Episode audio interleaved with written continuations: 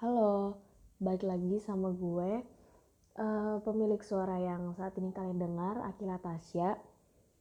Uh, gue ngerasa kayak udah lama banget ya, gue nggak ngupload podcast lagi.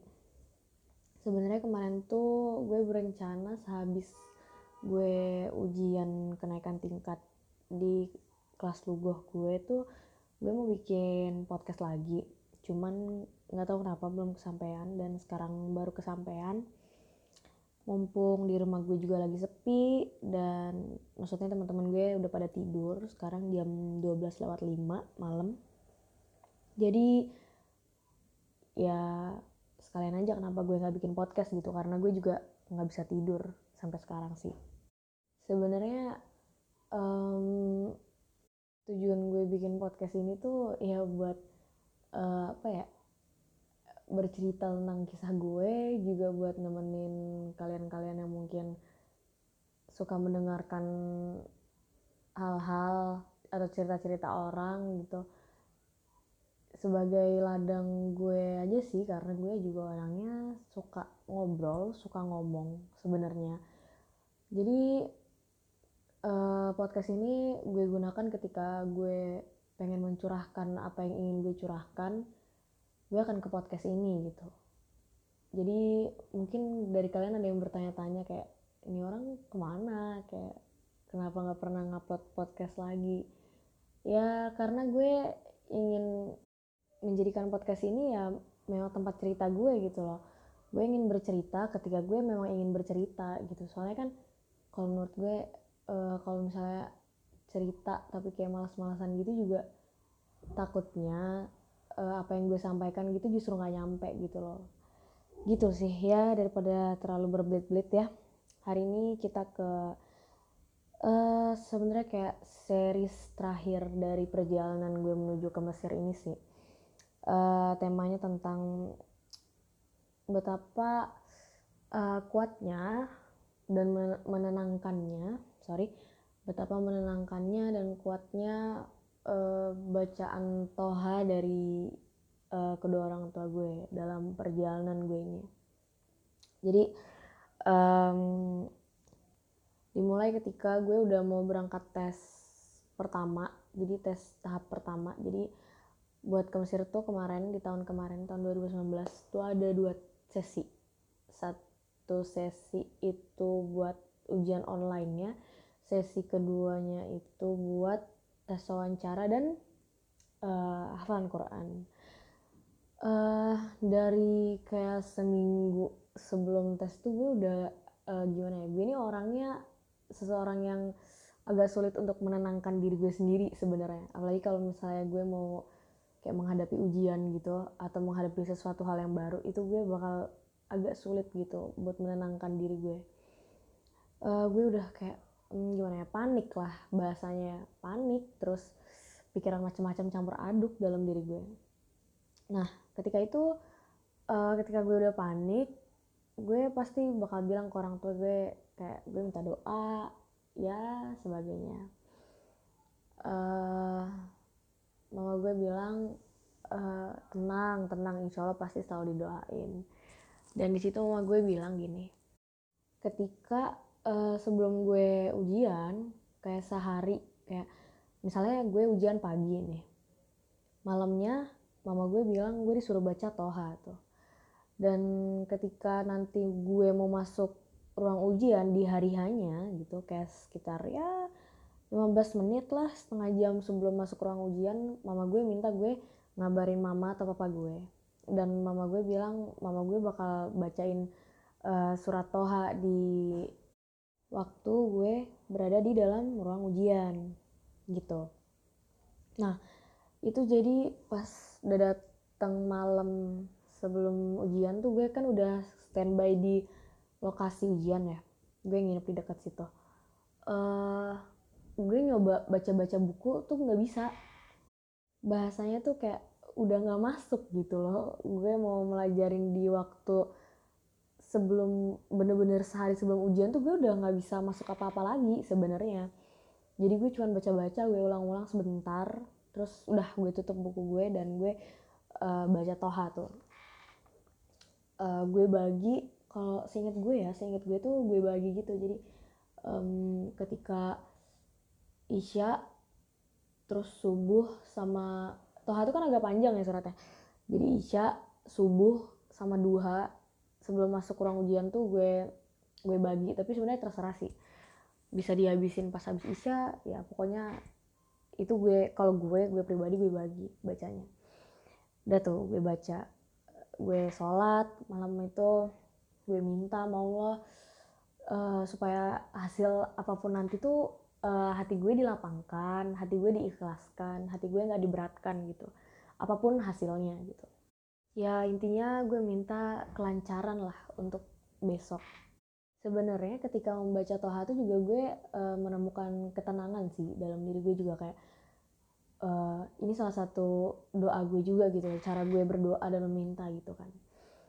Uh, tapi tetap kayak pasti deg-degan tuh pasti bakal tetap ada lah ya dan ketika besoknya uh, gue ada briefing dulu kan kayak gue dan teman-teman gue tuh di briefing dulu.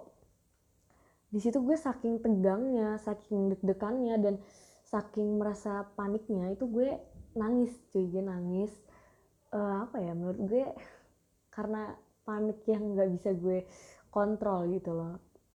Gue ngerasa ya deg-degan dan panik gitu. Intinya gitu. Uh, sampai pada akhirnya uh, gue sarapan. Oh ya gue lupa satu hal. Sebenarnya ini juga cerita gue mau cerita tentang jadi uh, papa gue pernah ngomong gini ke gue. Sebelum gue berangkat mau ujian bilang jangan pernah uh, nyanyain berkahnya sarapan. Jadi ketika uh, lo itu bisa sarapan seenggaknya tuh sarapan seenggaknya sedikit gitu loh. Seenggaknya lo ambil sarapan di piring lo tuh lo habisin walau itu sedikit gitu soalnya kata papa gue di dalam sarapan tuh sebenarnya ada berkah dan lo nggak boleh tuh nyanyain gitu. Intinya kayak gitulah. Nah gue sarapan gue ikutin kata papa gue gue ambil itu gue sebenarnya udah gak nafsu makan tapi gue ambil sedikit. Dan uh, papa gue bilang sambil sarapan tuh kamu terus berdoa terus meminta kemudahan gitu. Gue kalau gue inget-inget lagi masa-masa itu ya gue kayak gue sekarang jadi ngerasa kayak sedih sendiri bukan sedih sih kayak terharu sendiri gitu. Uh, ternyata sebuah keberkahan itu walaupun kita nggak bisa lihat maksudnya dia nggak berbentuk seperti meja dia nggak berbentuk seperti seperti handphone tapi ternyata dia benar-benar nyata gitu. Uh, papa gue bilang sambil gue nyuap tuh sambil berdoa sambil memohon sama Allah buat kelancaran gue pada hari ini gitu. Akhirnya gue ikutin kata papa gue. Gue ambil sarapan dikit uh, gue juga bilang ke teman-teman gue sarapan sarapan kita harus sarapan tapi walau sedikit yang penting abis yang ada di piring kita yang kita ambil tuh seenggaknya abis gitu. Itu kan prasmanan juga gitu kan. Uh, sambil suap tuh gue berdoa mohon kelancaran ya Allah ini uh, hamba makan hamba makan rezeki dari engkau hamba minta kemudahan ya sambil seperti itulah intinya. Uh, setelah itu gue kayak tenang lagi gitu gue tenang lagi. Sampai pada akhirnya oh sebelum masuk ruang ujian tuh gue sisa satu halaman gitu kan toha belum gue selesaiin. Jadi sambil gue ngantri itu uh, gue duduk dulu di depan. Gue baca tuh toha gue selesaiin. Udah tuh uh, Bismillahirrahmanirrahim gue bilang ke mama gue mah ini udah uh, disuruh masuk ke ruang ujian nih. Akhirnya kita masuk lah gue sama teman-teman gue masuk. Mama gue bilang oke okay, uh, eh, ternyata di rumah papa mama gue tuh udah standby uh, bahasanya mereka udah standby buat bacain surat toha buat gue gitu loh dan ternyata malam sebelumnya itu uh, papa dan mama gue jamaah sholat tahajud mendoakan kesuksesan gue untuk menghadapi ujian seleksi kedua kalinya gitu gue kayak sebenarnya pas gue diceritain itu gue terharu banget sih. Kayak hmm, gue merasakan gini wow ternyata bener-bener doa orang tua itu bener-bener apa ya menurut gue tuh sangat-sangat berpengaruh dalam perjalanan gue menuju atau menjadi seseorang gitu. Uh, saya pada akhirnya ketika gue masuk ke ruang ujian gue itu kan online tuh ya jadi ujian seleksi Al Azhar tahun 2019 tuh diselenggarakan secara online yang notabene-nya berbeda dari tahun-tahun sebelumnya gitu kan. Tahun-tahun sebelumnya itu kan manual gitu. Pas gue buka soalnya itu kan acak. Ternyata soal-soal yang keluar tuh kodarullah ya alhamdulillah itu bener-bener soal-soal yang gue harapkan gitu loh. Di antara latihan-latihan yang udah gue kerjakan soal-soal yang keluar tuh soal-soal yang sesuai gue harapkan gitu loh. Kan kita kalau misalnya kayak mau UN tryout kita bisa ngerjain soal yang gimana-gimana aja kan kita ngerti kemampuan kita kan. Dan kita berharap kayak semoga yang keluar tuh yang begini yang begini. Dan itu terjadi ke gue yang keluar tuh bener-bener soal yang gue harapkan gitu loh. Nah beranjaklah gue kayak di lembar keberapa ya gue lupa. Pokoknya itu tentang istimewa tentang listening gue udah ngerjain listeningnya nih di tengah-tengah pertama soal pertama masih lancar. Di tengah-tengah soal kedua atau keberapa gitu pokoknya masih awal-awal sampai akhir itu nggak ada soundnya nggak keluar suaranya nggak keluar gitu di gue. Wah itu gue panik bukan main sih. Soalnya gimana gue bener-bener apa ya uh, itu kan sistem ya. Gue juga bingung itu kenapa tiba-tiba nggak keluar kayak gitu dan ternyata pas gue coba coba coba coba bener-bener gak bisa. Bener-bener gak keluar suaranya. Ya lo bayangin aja di soal listening suaranya justru nggak keluar yang di mana suaranya itu adalah soal gitu. Gimana caranya mau jawab gitu kan. Sampai akhirnya gue istighfar aja gue pokoknya nyebut banyak-banyak lah. Gue al-fatihah aja gue bismillah bismillah gue pencet terus gue coba untuk tenang karena gue kekejar waktu juga kan gue coba kerjain yang lain dulu. Tiba-tiba pas gue lagi ngerjain yang lain tiba-tiba listeningnya keluar sendiri suaranya. Itu kan gue pakai earphone tuh. Tiba-tiba keluar sendiri suaranya terus wah bisa tuh gue kaget. Gue langsung back gue langsung balik ke soal listening tuh. Dan ternyata pas gue kerjain alhamdulillah kodarullah banget itu bisa. Tiba-tiba aja gitu pas gue ngerjain yang lain tuh bisa terus uh, akhirnya sampai selesai itu lancar alhamdulillah. Gue bisa menjawab semuanya alhamdulillah dengan lancar. Uh, gue keluar. Gue bilang ke orang tua gue alhamdulillah alhamdulillah bisa bisa.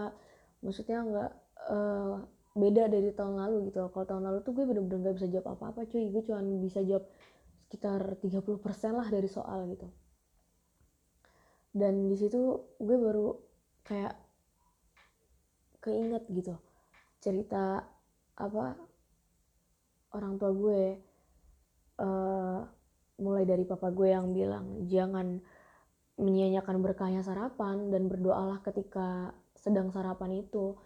Terus mama papa gue yang standby bacain gue toha ketika gue masuk ke ruang ujian. Uh, mama papa gue yang uh, apa ya oh udah berjamaah dari malam sebelumnya mendoakan gue gue tuh merasa mungkin itu juga gitu loh yang bikin lo bayangin nggak tiba-tiba lo lagi ngerjain yang lain tuh itu sistem nggak bisa tiba-tiba dia bisa sendiri gitu. Gue percaya itu karena uh, kasih sayang Allah juga.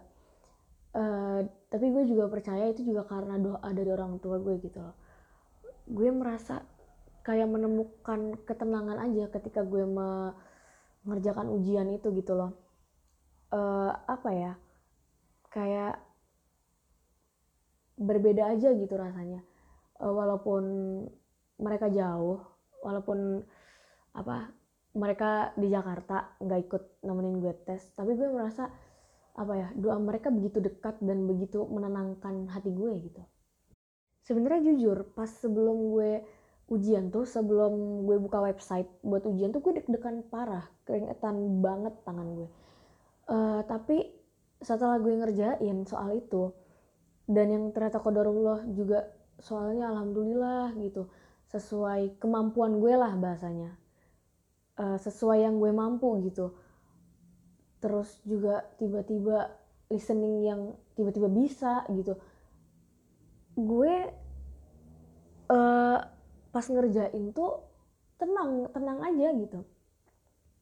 Dan gue juga merasa kayak mungkin iya ya ketenangan itu datang juga dari ridho dan juga dari doa orang tua gue gitu loh. Dari uh, doa yang diangkat kedua orang tua gue Allah subhanahu wa taala gitu. Gue merasa uh, gue benar-benar sangat tenang uh, apa ya jadi pas gue tuh sempet apa sih namanya kesulitan dalam sistem ujian gue tuh gue kayak ngeyakinin lagi gitu ih orang tua gue tuh mendoakan gue dari rumah gitu. Dan itu memberikan ketenangan juga di hati gue. Uh, gue merasa doa-doa yang orang tua gue langitkan dari hari ke hari itu bener-bener apa ya gue merasa ketika ujian tuh lancar aja gitu. Semuanya kayak lebih mudah untuk gue jalanin gitu. Gue ini bukan sekali lagi ya gue itu bukan orang yang pinter. Gue udah kasih tahu kan di podcast gue yang sebelumnya gue tuh sulit dalam memahami pelajaran gitu. Gue pas tryout tryout aja gue masih sering kesusahan gitu. Kalau gue mau ngandelin kepintaran gue bukan orang yang pintar gitu.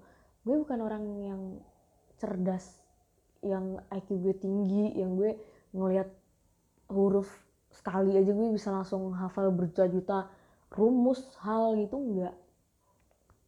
Tapi gue inget lagi mungkin yang memudahkan ini semua setelah usaha-usaha gue doa-doa gue juga doa orang tua gue itu sangat sangat apa ya memeluk erat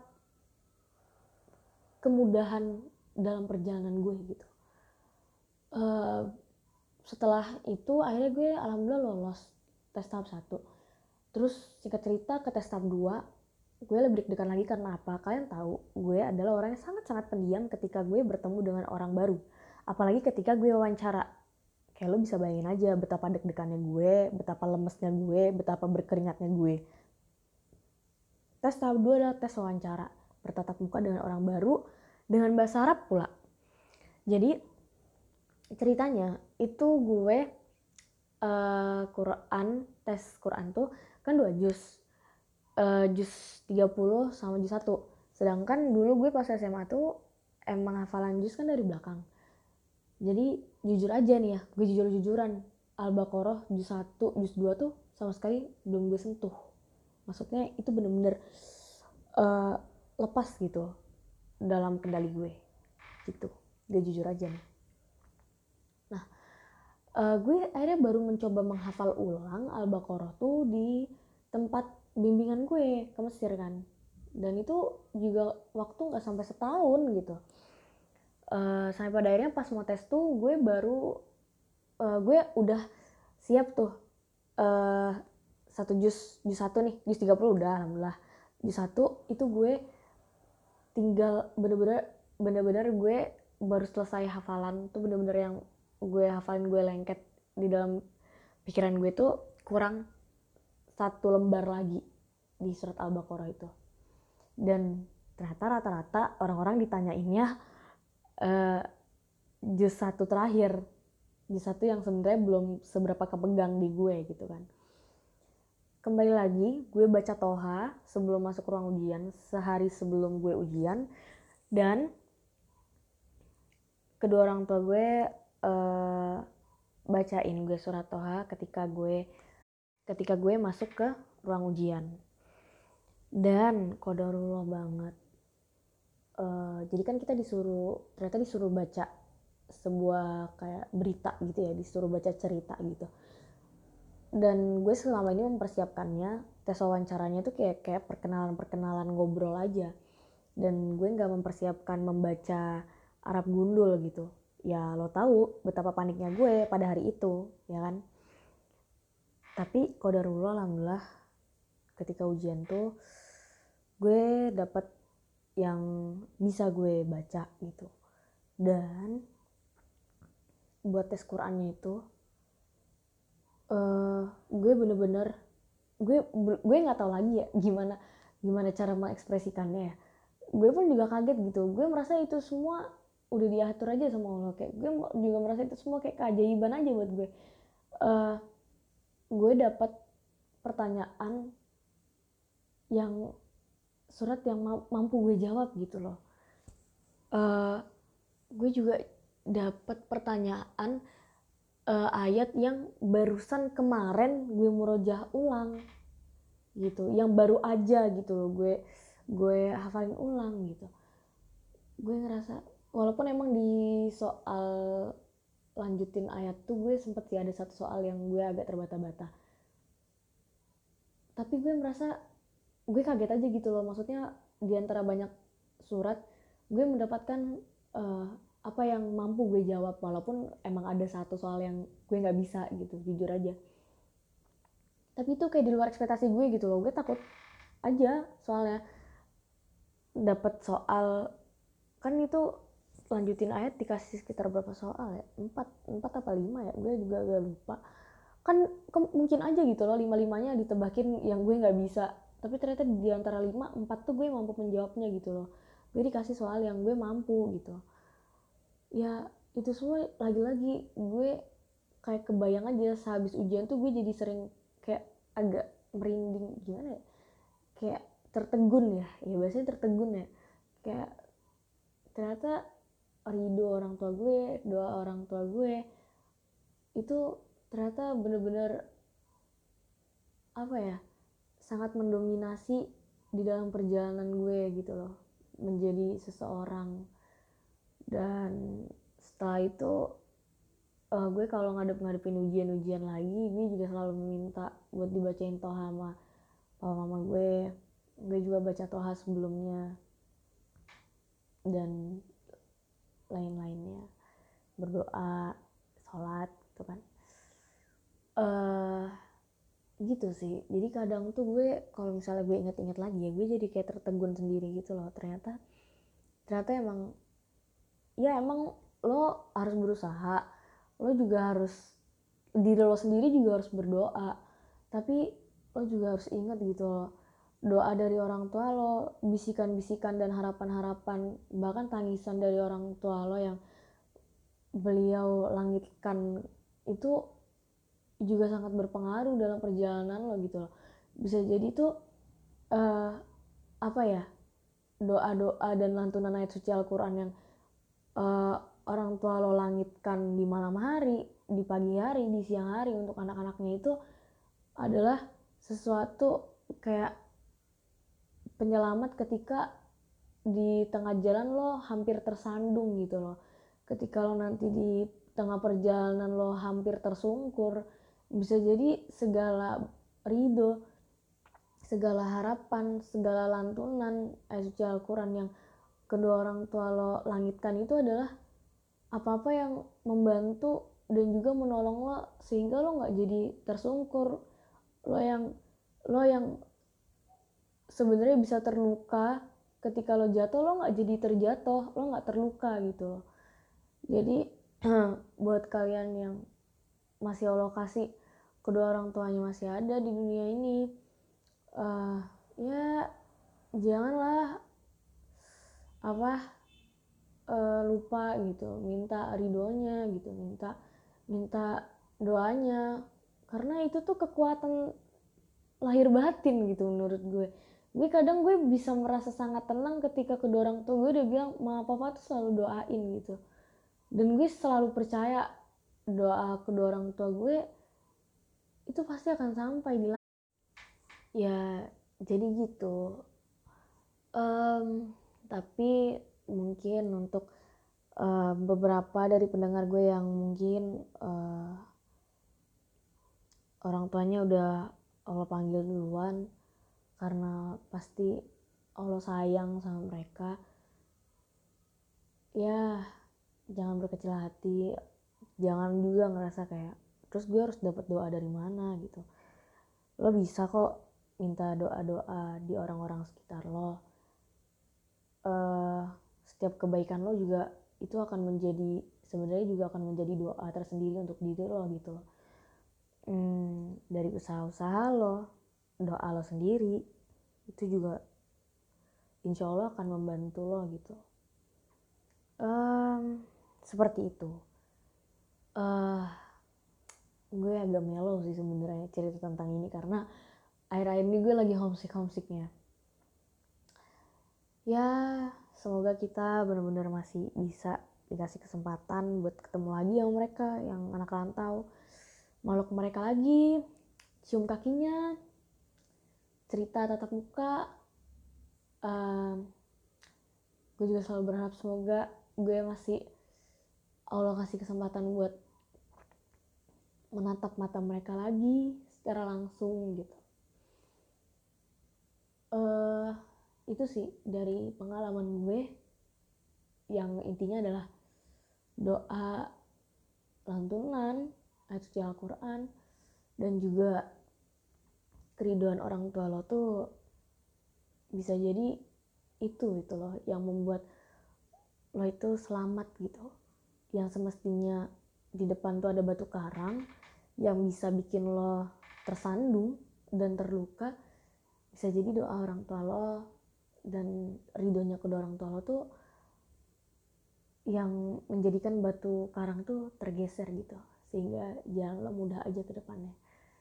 Ya sudah selesailah rangkaian dari cerita podcast permesiran ini. Gue mau cerita dikit lagi sih tentang oh detik-detik gue keterima ya kali ya sebagai penutupnya ya. Jadi waktu itu ketika gue uh, pengumuman papa gue di kantor mama gue sama gue lagi sholat tuh.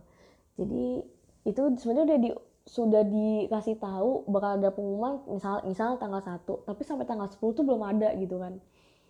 Jadi tiba-tiba pengumuman tuh jegleng gitu keluar aja gitu. Nah pas keluar tuh jadi papa gue selama selama dari tanggal 1 dari tanggal yang mestinya ada pengumuman sampai tanggal 10 itu yang belum ada pengumuman juga papa gue tuh bener-bener setiap nyampe kantor website yang paling sering dibuka tuh ya itu kemenak itu. Website pengumuman gue lulus enggaknya. Nah ketika itu tiba-tiba keluar pengumumannya. Gue sama mama gue baru habis sholat. Terus gue buka HP mah mah mah ini keluar pengumumannya keluar pengumumannya. Iya kak coba coba buka buka buka gitu. Tiba-tiba papa gue nelpon trit gitu. Pas dia masih nyari nama gue papa gue bilang ke mama gue namanya ada gitu. Udah sujud syukur gitu. Udah. Terus uh, mama gue bilang Syah sujud kamu nama kamu ada gitu. Gue masih nggak percaya. Hah masa sih masa sih? Bener-bener gue masih scroll sampai gue nemu kayak ma ada gitu. Gue bener-bener kayak gue bener-bener ada. Gue ngeliat nama gue terpampang di situ. Gue langsung kayak alhamdulillah ya bener-bener kayak gitu di rumah gue. Akhirnya gue sama mama gue sujud syukur bersama di situ. Dan papa gue juga pasti bersyukur banget saat itu. Uh, gue tahu sih betapa deg-degannya mereka. Sampai papa gue tuh bener-bener kayak bolak-balik buka website kemenak gitu. Nanyain belum ada ya belum ada ya. Bolak balik bolak balik bukain website kemenak gitu. Uh, dan gue kalau inget-inget uh, memori itu uh, ya kangen aja gitu. Kangen lagi aja gitu sama mereka. Ya udah sih. Itu saat-saat gue bahagia banget. Itu menurut gue salah satu momen terbahagia gue selama hidup gue. Ketika gue keterima Mesir itu. Melihat kedua orang tua gue bahagia setelah melihat anaknya berhasil mendapatkan apa yang dia inginkan gitu. Alhamdulillah gue sangat bahagia banget saat itu dan gue juga berharap gue bisa menemukan momen-momen bahagia lagi untuk mereka berdua di kehidupan-kehidupan gue selanjutnya di hari-hari gue selanjutnya di masa depan gue nanti. Oke, okay, sudah 29 menit lebih 22 detik. Alias udah jam 12 lewat 44. Uh, dan gue udah agak sayup-sayup nih sebenarnya. Soalnya besok gue juga sebenarnya masuk kelas lagi sih. Udah mulai uh, kelas lagi. Ya, gue minta maaf sama kalian semua jika di dalam podcast ini terdapat hal-hal yang menyinggung atau hal-hal yang mungkin agak sedikit tidak bisa diterima atau salah mungkin dari ucapan gue gue sangat meminta maaf gue memohon kritik dan saran kalian sangat gue terima by the way kalian kalau mau kritik atau saran ke gue kalian bisa ke Instagram gue DM gue di @akielhatasya hanya satu di belakang. Dan it's kalau kalian pendengar setia gue ya sorry banget gue nggak bisa ngelampirin nama Twitter gue kali ini karena Twitter gue kesuspend karena gue iseng ganti-ganti uh, tanggal ulang tahun gue. Ya begitulah ya kehidupan seorang remaja yang agak iseng-iseng gitu ya akhirnya gue kesuspend.